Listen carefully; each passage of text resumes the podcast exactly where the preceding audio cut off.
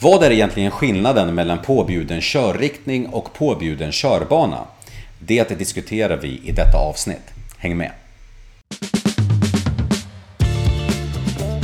Hej och hjärtligt välkomna ska du vara till körkortssidan.se och körkortsappen. Vi hjälper dig att ta körkortet snabbare, enklare och billigare på svenska, engelska och arabiska. Och vi är tillbaka nu efter sommar, sommaruppehållet med ett nytt avsnitt utav 10 stycken körkortsfrågor där vi går igenom frågorna tillsammans med er. Och du kan titta på det här, men du kan även lyssna på det här faktiskt via podcasten Körkortsljudfrågor.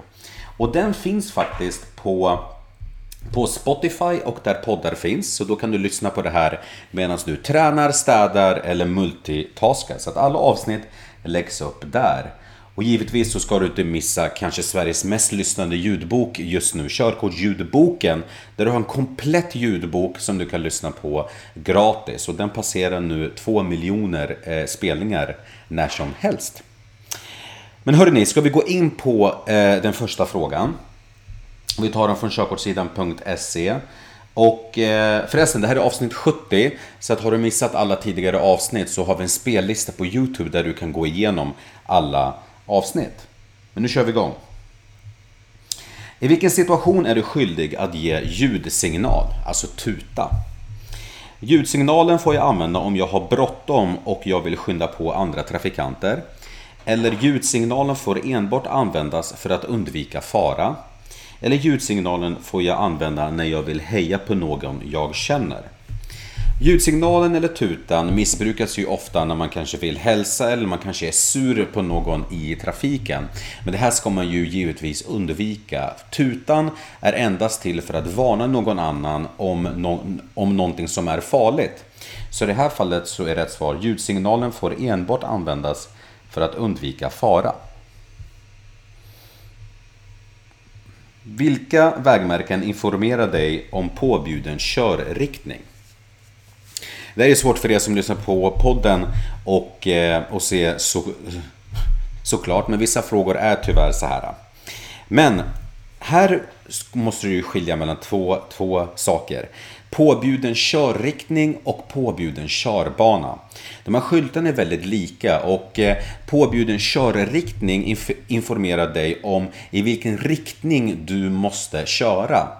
Påbjuden körbana säger vilken körbana eller väg du måste köra på. Så att om vi kollar på de här. Eh, ettan och Trean är påbjuden körbana. För de säger, till exempel ettan säger ju att du måste välja antingen vänster eller höger eh, körbana. Och trean säger att du måste välja höger körbana. Medan 2 och 4 som är påbjuden körriktning säger att du måste antingen köra rakt fram eller till höger. Eller 4 då som, som säger att du måste köra rakt fram. Så att här är rätt svar 2 och 4. Vilken skatt betalar du på grund utav koldioxidutsläppen från ditt fordon? Det är ju så här att du betalar ju fordonsskatt eh, eh, eh, på grund utav ditt koldioxidutsläpp. Och beroende på hur mycket just din bil släpper ut i avgaser så styr det alltså hur mycket fordonsskatt du kommer att behöva betala. Exempel vis en stor SUV, där kommer du att betala mycket mer skatt än till exempel en elbil. Så här är rätt svar fordonsskatt. Jag tog inte alternativen, men de andra alternativen var avgasskatt och bilskatt. Så fordonsskatt är det som du betalar eh, på grund av koldioxidutsläppen. Vilket vägmärke eh, fortsätter gälla efter korsningen? A är en 70-skylt. B är skylten för att det är förbjudet att parkera. Och C är påbjuden körriktning med en pil uppåt. Och D är P, alltså parkeringsskylten. Och det är ju så här att eh, eh, det är bara hastighetsskylten här som fortsätter att gälla efter korsningen. För att en hastighetsskylt gäller tills du blir informerad om en ny hastighet. Så att här är rätt svar A. De andra slutar att gälla vid nästa korsning. Vad betyder tilläggstavlan? Här har vi en P-skylt med en pil under som eh, en svart pil med en vit bakgrund som pekar neråt. Eh, och vad betyder den då? Parkeringsplatsen slutar vid tilläggstavlan eller parkeringsplatsen börjar vid tilläggstavlan. Det här kan ju vara svårt att, att tyda. När gäller den här parkeringsplatsen egentligen? Men här är rätt svar att parkeringsplatsen slutar vid tilläggs, eh, tilläggstavlan. Och där kan du, det finns en teknik av att du kan, pilen här, du kan du putta ner den. Tänk dig liksom att du puttar ner den och vart pekar pilen då? Så att här gäller ju den fram tills skylten. Hade den varit vänd uppåt och du hade puttat ner den så hade den ju fortsatt rakt fram, eller hur? Så det är en, eh, en teknik för att träna eller för att veta när eh, skyltar egentligen gäller, eller hur? Är du tvungen att använda bilbälte när du åker taxi? Ja eller nej? Ja, lagen säger att du måste använda bil, eh, bilbälte.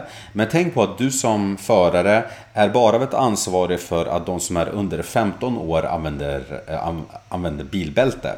Så att om vuxna inte använder bil, bilbälte, då är det de som kan straffas för det. Men det finns lag på att man ska använda bilbälte.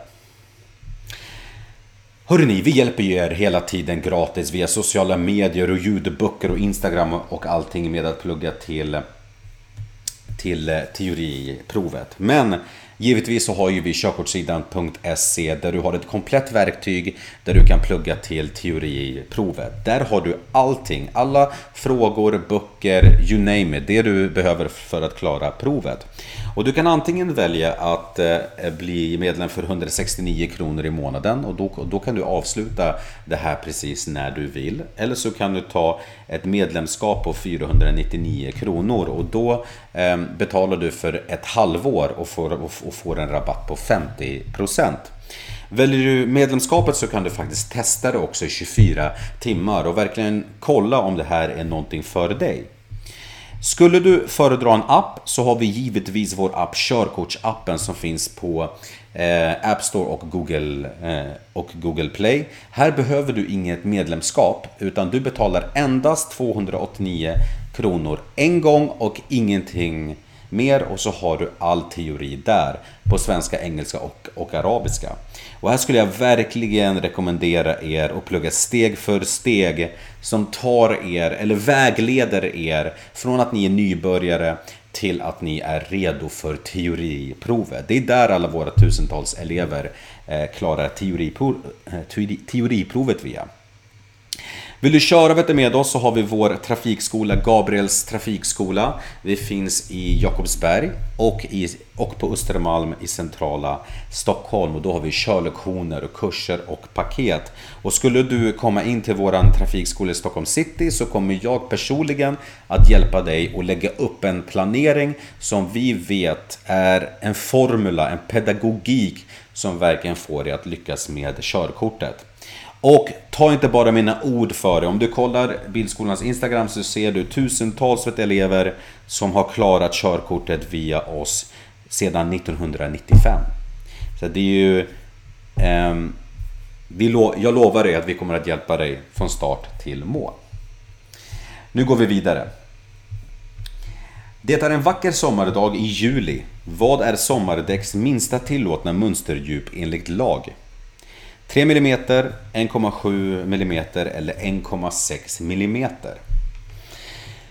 Det är inte 1,7 mm och 3 mm det är kravet på vinterdäck. Men på sommardäck så är kravet enligt lag att det minst ska vara 1,6 mm. Däremot så ska du undvika och köra tills eh, däcken är så slitna utan byt gärna innan. Men lagen säger i alla fall 1,6 mm. Vad ska jag göra i denna situation? Och det här är en bil som kör på en påfart in på en motorväg.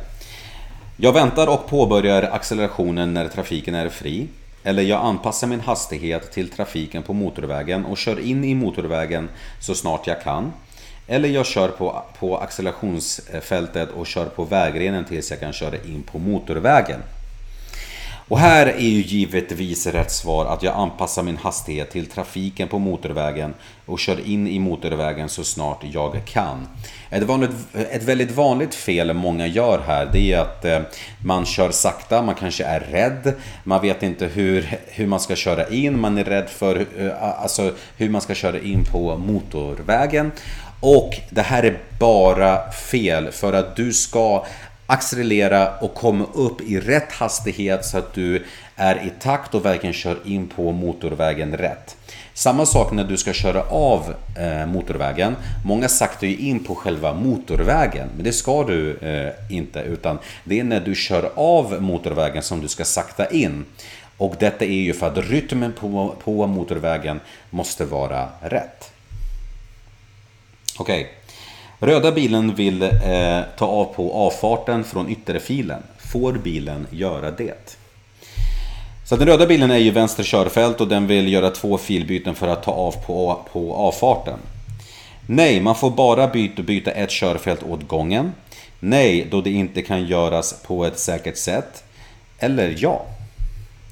Alltså det här ska man ju självklart undvika. Man ska ju planera körningen så att man inte behöver göra en sån här farlig eh, manöver där man byter exakt två stycken eh, körfält för att ta av på en avfart.